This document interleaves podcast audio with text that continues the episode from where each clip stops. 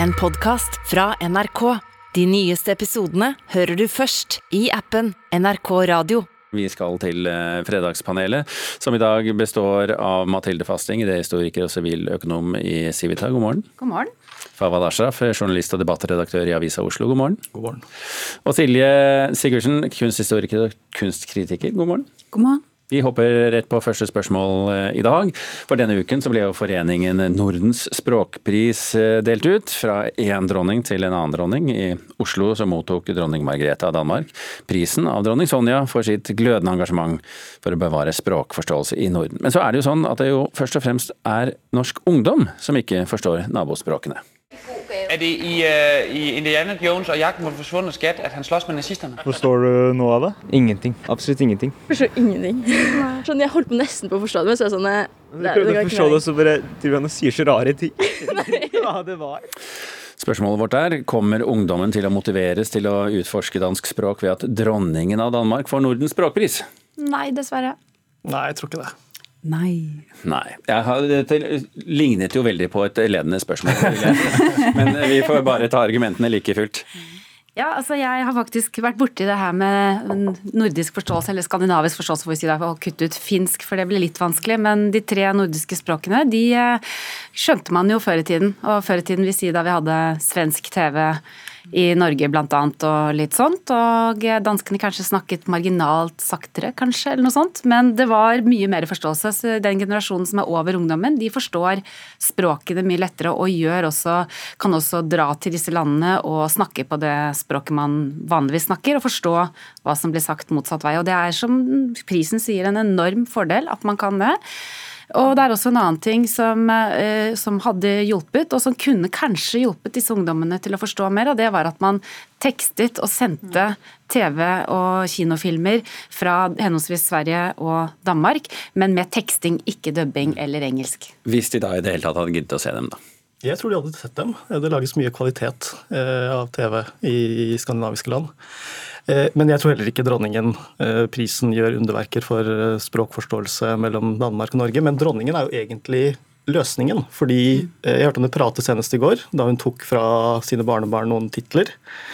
Hun er ganske lett å forstå. Og forskning viser jo at jo lenger ned man går i generasjoner, jo mindre forstår også ungdom hverandre. Så dansk blir mer og mer utydelig jo yngre folk som snakker. Så jeg tenker jo kanskje at det er popkulturelle fenomener som uh, artister og skam, litt sånn som Mathilde snakker om, at serier og sånn blir uh, tekstet. At det er kanskje der skoen trykker. Eh, og at man ikke kanskje kan planlegge for at eh, dansk og norsk ungdom skal aktivt gå inn for å forstå hverandre, men det skjer av seg selv. Men kan det være noe galt med ungdommen også? Kanskje de rett og slett bare gir opp for fort? Det er et eh, interessant og viktig spørsmål, fråga, og jeg tenker det er en god vei igjen før vi forstår hverandre eh, fullt ut. Men, eh, men blir ikke dette litt eh, en symbolsak? Jeg tenker Den prisen burde jo kanskje heller gå til noe som har en reell effekt i folk sin hverdag. Og her er jo også NRK i front. Én ting er jo programmet Skam, og det arbeidet det har gjort til å løfte det Det begynner å bli lenge siden det òg. ja, sant, det er lenge siden, men vi har jo noe annet veldig fint på NRK, og det er radioprogrammet Norsken, svensken og dansken. Den kunne jo kanskje fått en pris for det arbeidet.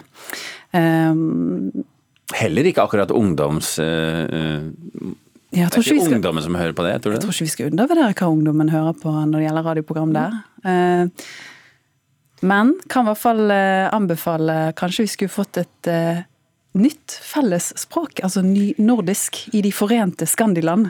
Det vil være så krisepreget, for det har vi prøvd på før. Jeg tror jeg ikke kommer til å gå. Jeg syns vi skal la den oppfordringen stå som eh, siste setning i dette spørsmålet, og hoppe til spørsmål nummer to. For i fremtiden så vil Disney og Lucasfilm, som står da bak eh, Star Wars-universet, trolig ta i bruk eh, kunstig intelligens og arkivopptak for å gjenskape den legendariske stemmen til skuespilleren James Earl Jones. Den 91 år gamle Jones gir seg nå etter en lang og viktig karriere, bl.a. i rollen som erkeskurken Darth Vader. Don't be too proud of this technological terror you've constructed. The ability to destroy a planet is insignificant next to the power of the Force. Er det positivt at gamle og eventuelt døde skuespillere da, kan gjenskapes med teknologi? Ja. Nei. Nei. Hvorfor er du eh, positiv, Fawad? I dette tilfellet, med det fenomenet Star Wars er, eh, et fenomen Og med den spesifikke skuespilleren? Med den spesifikke kontrakten. Jo, den, ja, ikke sant? Den spesifikke kontrakten. Jeg hørte første gang om James Earl Jones og at han var stemmen i Darth Vader, altså Star Wars-universet, i et annet program. altså så kulturhistorisk viktig er liksom Star Wars og Darth Vader og stemmene. Eh, Selv om jeg ikke er en aktiv på en måte, fan av det universet, så skjønner jeg på en måte betydningen av det. Eh, Og da tenker jeg, hvis han har fått en fet kontrakt og kan etterlate seg noen slanter til eh, eh, de som arver ham, og stemmen lever videre, så tenker jeg det er egentlig positivt. Mm, men du er ikke så positiv. Jeg tenker det, det er i hvert fall veldig interessant, og det byr jo på en del eh, etiske og også kunstneriske dilemmaer. Jeg tenker også at eh, ja, Hvis en virkelig ønsker å gi fra seg stemmen sin med en god kontrakt til et AI-selskap, så jo det, står jo en fritt til det. Men dette er jo, hvis vi skiller det fra den spesifikke saken og den kontrakten til teknologien, altså hvis denne teknologien sklir ut i feil hender, så kan jo det fort eh, altså Da kan jo det fort bli på mm, mer en grov krenkelse av privatlivets fred enn det kunstneriske eksperiment. eh, eksperiment. Det var også det jeg begynte å tenke på da jeg skjønte at det er flere skuespillere som er inne på denne galeien. At det er etisk vanskelig, kanskje, akkurat her i dette konkrete tilfellet. Så tenkte jeg først også at det var på en måte litt positivt, fordi det var faktisk et ukrainsk selskap med noen startup eh, som sitter i Kiev og blir bombet nærmet mens de holder på med å lage stemmen til akkurat denne Star Wars-klippet her. Og da tenkte jeg at det var bra. Da er det positivt for, for, for at man støtter Ukraina nærmest gjennom det, akkurat dette konkrete. Men det blir, det blir litt for enkelt å tenke sånn, fordi det vil være andre selskaper som også kaster seg over eh, denne typen La meg ta et eksempel, fordi at i går så kom jo nyheten om at Bruce Willis har solgt sitt ansikt eh, til et russisk eh, AI- eh, og deepfake-selskap, og da begynner det å bli litt mindre morsomt. Ja, da begynner det å bli litt mindre morsomt. Eh, fordi eh, da eh, Jeg tror jo fortsatt at det er sånn at det er kommersielle hensyn her som vil avgjøre om forsøk på eh, å skape sånne eh, udødelige skikkelser, det er det noe publikummet som vil på en måte eh, bestemme om de vil se eller ikke. Jeg har tenkt mye på ABBA sine show i London, eller da Whitney Houston føk rundt som et hologram i, i USA og holdt konserter. Noe funket, noe funket ikke. Men eh, det, er, det skumle her er jo når på en måte alle blir udødelige og vi havner i et sånt virtuelt univers, eh, alle sammen.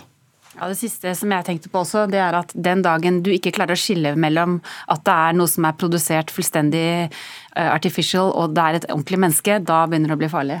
Og Derfor må vi få et godt lovverk på plass som gir gode retningslinjer ved konflikt i denne typen saker, tenker jeg. Så får vi se hvor mye vi blir lurt etter hvert. Det er en annen diskusjon, og vi får ta den ved en annen anledning. Vi skal eh, holde oss til filmen, men vi skal bytte tema. Regissør eh, Gunnar Vikenes film 'Krigsseileren' blir jo da altså Norges kandidat til den 95. Oscar-utdelingen i mars eh, neste år. Alle land utenom USA kan melde på én kandidat da i kategorien beste utenlandske film. Og den første utvelgelsen skjer eh, nærmere jul, når 15 filmer da blir valgt ut til en langliste, og så blir det de fem etter hvert. eh. Spørsmålet vårt eh, er, var det klokt av Norge å sende nok en krigsfilm for å konkurrere om Oscar? Jeg tenker det gjenstår å se. Så ja, nei, kanskje? ja. Ja. Mm, Med det jeg vet nå, nei.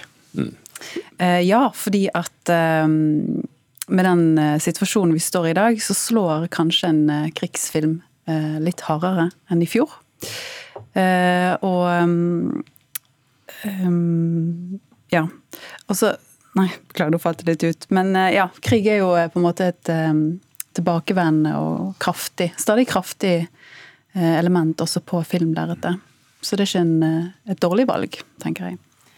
Jeg tenkte at eh, denne filmen her har en, eh, en, innfallsvinkel som er litt internasjonal. For det dreier seg ikke bare om eh, en erfaring som Norge har, men en erfaring som er alle de som seilte internasjonalt og ble mm. si, ufrivillig trukket inn i andre verdenskrig. Slik at gjenkjennelsen, og også for så vidt at disse endelig får en, en oppreisning, eller i hvert fall en, en, noe som viser at det var stor verdi i det de gjorde, at det, det kan være et tilleggselement som gjør at jeg syns at det er ok.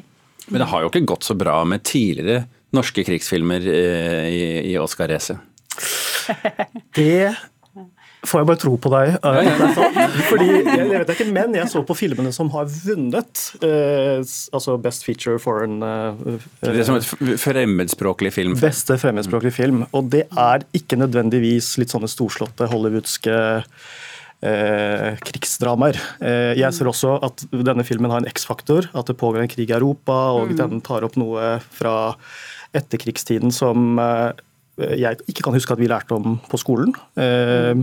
Og traileren ser helt vidunderlig ut. Jeg gleder meg til å se filmen, men jeg tror ikke denne kommer til å skille seg ut eh, i Eh, en internasjonal uh, gruppe filmer. For der, der, har man liksom de siste årene vært mer på jakt etter sånne nære dramaer, uh, litt artfilm, litt andre typer filmer enn en det som kanskje ligner på det Hollywood kan lage. Da. Mm. Men det er jo en veldig dyr film. Mm. Så jeg tenker jo at det å vise den fram på, jo, men dyr i norsk sammenheng. Tidenes dyreste norske film. Så ved å vise den fram på denne måten, gjør jo at den kan få en kommersiell eh, altså bli vist på kino i mange land, og sånn sett eh, eh, bli en suksess, selv om den kanskje ikke er den som skiller seg mest ut i Oscar. Mm. Og nå, jo, nå, er det jo slik at det, eh, krigen ble jo denne uken trukket ut mm. i, i, havet, ja. um, og, og, har fått et annet um, hva skal vi si, et annet inntrykk rundt seg, da. Mm. Et annet Ja. Nei, en liten fun fact. Det er jo um, noe av det det som folk brydde seg mest om rett før andre verdenskrig brøt ut, hva var det? Det var strømregningen. Er det sant? Det er helt sant. Så med tanke på dagens situasjon kan jeg ikke annet enn å be for en norsk eh, Oscar, eh, Europa og alle de uten peis. Mm. Skal vi la henne få siste ordet på den også? Vi kan la henne få siste ordet på den. Jeg syns det, det, var et, eh, en fin oppfordring til eh, slutt, og en bønn. Eh, Silja eh, Sigurdsen, takk skal du ha for at du var med i Fredagspanelet. Takk også eh, til Fawad Ashraf og, Mathilde Fasting. Takk for at dere var med i Fredagspanelet.